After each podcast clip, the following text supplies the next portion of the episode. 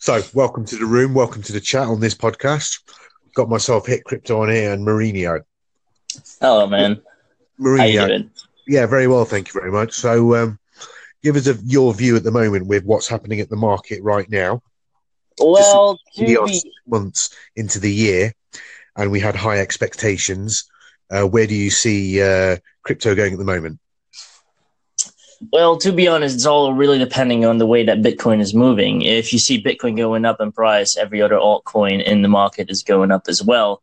Um, seeing as Bitcoin's going up and down, making like a regular movement, not like an uptrend or a downtrend. Really, it's like just stuck at around seven thousand five hundred dollars. You know, it's stuck in that area. So I heard people say, "Wait, I'm going to close my window. Give me one second. Um,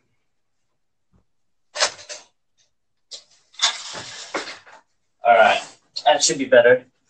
Yeah. So I've heard people say that um, Bitcoin should be going up a lot again, but this is all just rumors. There's not really a fact. If you're just looking at the the way it's going on the chart, it's like really not moving anywhere, and there's no point of like trying to do massive trades right now. If you don't see Bitcoin going up in the near future, then you're just pretty much losing your money in trades. That's my perspective. And then I suppose from a TA, from a technical analysis point, as you've alluded to there, I mean, how how accurate are we with those technical analysis? Because it seems to be a shift, even from the day to day journalists are more looking and delving into TA to try and give themselves a bit of a guide. Is it more that they're looking for some hope by looking at TA? Um, I think so. Yes, uh, they're doing produ- price predictions, but I mean, who is the one to tell that this will be an accurate price prediction? In the end, it's all based around FUD, fear and doubt. If you see that people are getting scared, then they're most likely the coin will be crashing. As an example, Bitcoin, people are scared to lose money. It's been at an all-time high. All right, let's back out, get some, get my profits out of it at least before we're going to make some loss. And we're really seeing this right now in the market that like people, as soon as like a coin goes up, they're instantly instead of holding it, instantly withdrawing. And I think that's like really annoying for definitely people that are like in day trading business. Because with this, you can't really flip your coins that you're currently holding, in my perspective.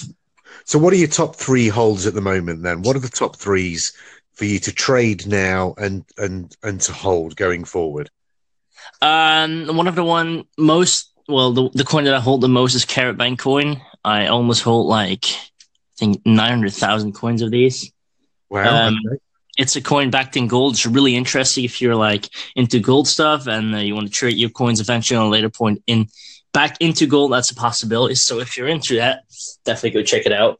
Um, the second one would be Ripple, and the third one for long term would be um, Tron. I really like Tron because every time they publish news, you're you just know the coin will be crashing, and in a in a trader's side point of view, that's what you need. If you know that there's going is going to drop down, it's the moment to buy. When people sell, it's your time to buy and sell. That's how I see it, and that's literally what I do as a trader myself.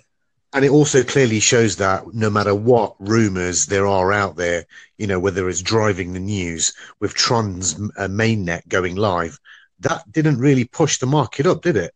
No, people were rumoring that it would, but in the end, it it, it went down as Yeah. expected. Yeah, I agree. So, I mean, so from from my perspective, it, it we're way behind from 2017 when the total market cap was in the 700 billion dollar stage. Those were the exciting days. It's like you could put your money on anything and- you will two, you know, two, 20 times, 30 times your profit. I think we're way, way beyond that, and I think it's just driven a bit of a reality check to a lot of people out there, and um, to understand a bit more um, of the cryptocurrencies that are coming into the market are either just scams or or just not going to perform in in their current state. Um, it, it- it's been very difficult now for new investors to come in because they're fairly either got this expectation that they want to treble their funds, their investment, but really they're just holding back. But I think those days are slowly coming to an end. We're starting to see a couple of bit of a reality check. Well, I mean, that's definitely. I'm not gonna like argue about that, but that's definitely true for a fact. Um, but in the other hand, you have to think about it. There's the majority of people that joined when Bitcoin was at its all time high because people were telling other people, get into this, buy Bitcoin, make money. Yeah. Now, as soon as this shifted, people like lost tons of money. And the people that were like telling people to buy Bitcoin um, really ruined it, to be honest, because at that moment when people saw crashing the coin, they just literally might have lost like maybe twenty thousand dollars, if not more, if they were buying bitcoins. Some people maybe have gotten a loan just to buy a bitcoin and just to show off, like, see, I've got a bitcoin, and then all of a sudden it crashed and people lost tons of money. So for new traders to come in after this happened, it's just really scary for them, and I totally agree with you on that. But, yeah, very, uh, very cautious, very cautious grounds at the moment. But like I say to a lot of the new investors coming at the moment, look, if you've got twenty dollars spare, twenty pounds spare, buy a little bit, stick it to the side. $100 and buy a little bit, and buy a little bit, keep accumulating because the main goal for all of this is really for myself and probably for many other uh, crypto investors and traders out is to accumulate as much Bitcoin as possible for the long term, taking out profits at the right stages, and then obviously accumulating even more Bitcoin. I think that if that, that for myself uh, and, and hopefully for my listeners, that it is the case of the long term hodl for the long term gain. Okay. Um, and I suppose from from our top, from my top three cryptos, yeah, Ripple are definitely a really, really good believer in their technology at the moment. As we're seeing more adoption with the banks, okay, the banks aren't going to be using the actual Ripple token itself, but again, we, we never were expecting that uh, for those people who are really educated in that. It was more going to be the technology element. So we're seeing more, you know, traction from Santander, uh, and obviously in the United Kingdom, we need that sort of stuff. My second one is Golem. Obviously, Golem was one of my um, red herrings from last year, um, but very good project from the case of supercomputing uh, and processing information across many computers around the globe. Um, um, serious power crunching, especially within the CGI market as well, as it consumes a lot of uh, energy and power. So that's really good. And my third one is Siacoin.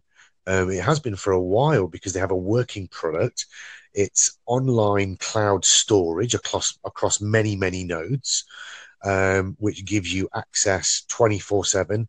It's a competitor to Amazon Cloud, Google Cloud, Dropbox, and all those other facilities out there where it costs hundreds of dollars per month. Whereas for fraction of the price, you can utilize that with with Siacoin. So, yeah. Um, yeah. That's uh, definitely true. Um, I've heard about CXI coin as well before. Um, I think I believe it's listed on Binance, isn't it? Yes, it is. Uh, yes, it's, it's SC. It's ticker yeah. code, I think. When it when it was released, uh, I got into it. Yeah. And then, like a few days after, like literally, like it went from like I'm sure. Let me quickly get the um, the chart up so I know like what I'm talking about for sure. And I'm like giving you false facts. So I heard about it initially around I think it was January, like before before January Aprilish, and like what really surprised me, I got into it and like a few days later, it just went up in price. Like I think it was like by thirty percent, if I'm yeah. not mistaken. At that point, as me as a day trader, I mean that's a double win. And just I just sold all of it on a different coin. But I was starting out building funds when I started trading on Binance myself. I started with like what like 300 euros, I think, because I live in Belgium. Yeah. Um, started trading with 300 euros, and I traded all the way up and then eventually I sold everything and I was able to buy over, I think it was 3,000 ripples. Yeah. I've been trading yeah. like crazy. So I had to think about how I like moved up in the, in the ladder. And yeah. I bought my ripples at what was 25 cents at the time. I had 3,000 ripple and I just enjoyed the ride all the way to $3. That was fantastic, absolutely fantastic. That was similar, similar thing, really. So I, I think I'd I'd got in at Ripple um, when it was yeah four cents back oh, wow. in time, I think, and then yeah made a substantial amount off the back of that. Took my profits out, then simply playing with house money, and and been accumulating that and driving that for, for the main main end goal. So what, what what do you what are you finding with regards to um, the exchanges that are coming up in the market nowadays. Um, obviously, uh, you know, many people were first using Bittrex as that was the main leader. Then mm-hmm. Binance just came along, you know, pretty quickly overnight and, and just started shifting people away. Um, what are your thoughts on that exchange market, new ones coming up and their popularity? Because Binance, if that could happen to Bittrex losing the crown as the top exchange, that could quite easily happen to Binance, would it not? Definitely true. Um, you have to take in consideration how secure you, your exchanges will be. And for some reason, every time when I visit Binance, just the website itself, it gives me this comfortable feeling that I'm safe and I know that my coins are secure if you look at many other uh, current new um, exchanges, I'm not sure have you ever heard of Coinbase, example. As soon as I visit one of those websites, it's just not an easy website. It looks unsafe. Um, the graphics are not clear. Um, the, the, the, the yeah, the graphs, the yeah. charts, they're not clear. It's confusing, and really to get like another exchange to pop up as high as Binance or like you said, Bittrex. Um, I mean, they have to take a lot of consideration to be able to um, to be able to provide the same experience. Because if you have a better experience on one side, why would you go to a different side? I don't see like any idea why someone would do that. I think it's more back. Obviously, when Bittrex was around, there were certain cryptocurrency that were only listed on Bittrex um, first. Now, when a lot of the cryptocurrencies are coming out of ICO, they tend to be listed on the lower exchanges, and it takes a while for them to get listed. Um, yeah. for, for, for any new people out there coming in today, I think it's a lot easier to stick to the one exchange. Uh, anybody who's greedy, or well, not greedy, that's probably the wrong word. Anybody who's tenacious and wants to spread their wings a little bit more would clearly have to register on multiple exchanges to capture those coming out of ICO. Yeah, that's definitely true. Um, speaking of an ICO, the coin that I hold like eight hundred thousand of, um, it came out of ICO. It went online on like one website called Coinbee, and I mean, I started shifting my coins on there from uh, my Ether wallet because that's where I got paid out on. And then I think about like half a month later, it went to uh, Yobit. I'm not sure if you ever heard of Yobit. Yeah, yeah, familiar with that. Yeah. Yeah, so like from a fairly unknown exchange from Coinbee all the way to Yobit, I mean that was a huge step for that ICO that I'm part with. And now seeing that the coin will be listed on HitBTC, I mean it's just crazy how how it's just moving up the ladder even more and more because HitBTC is even more popular and it's way easier interface as an example than Yobit. It is. It is definitely HitBTC is one of the popular um, exchanges that we on our channel uh, you know promote when mm-hmm. it comes to certain cryptocurrencies just to make it easier for those newbies out there um, but back in the day you know even even 10 months ago um, it was quite painful even registering on on some of the popular exchanges with the delays yeah yeah I can remember I was trying to get an account on I think it was Bittrex and like literally just closed signups. I couldn't get my account in there, but I really wanted an account yeah. in there because the more accounts you have, the safer you are. You can trade on multiple websites. Now, my coin is an example. It's listed on two websites at this moment. It's going to be soon on HitBTC. But like on one on Yobit, it was at a lower price than on Coinbee, as an example, because less people were on Coinbee. That's it allowed right. me to just sell and uh, it allowed me to sell on Coinbee, transfer my Bitcoin to Yobit, buy in Yobit, and just keep on flipping my coins. And I've literally been abusing that system ever since. And that's, to be honest, the beauty of having multiple accounts and multiple exchanges because there is a price difference and sometimes it's bigger than you would expect. Even if it's 20 Satoshis, as an example, on yeah. 800,000 coins, I mean, that's a lot of money we're talking about. That's pretty much like what, like seven, 800 euros you're talking about, one flip. Yeah. Well, look, we're we're going to be running out of time now, so as we're coming mm-hmm. up, we're into fifteen minutes. But hope you guys and the listeners enjoyed the show feel free to check out both of our pages, listen to our podcasts, and uh, hopefully we can do this again soon. Uh, if there's any requests, any particular questions you want to cover, give us a shout. Yep.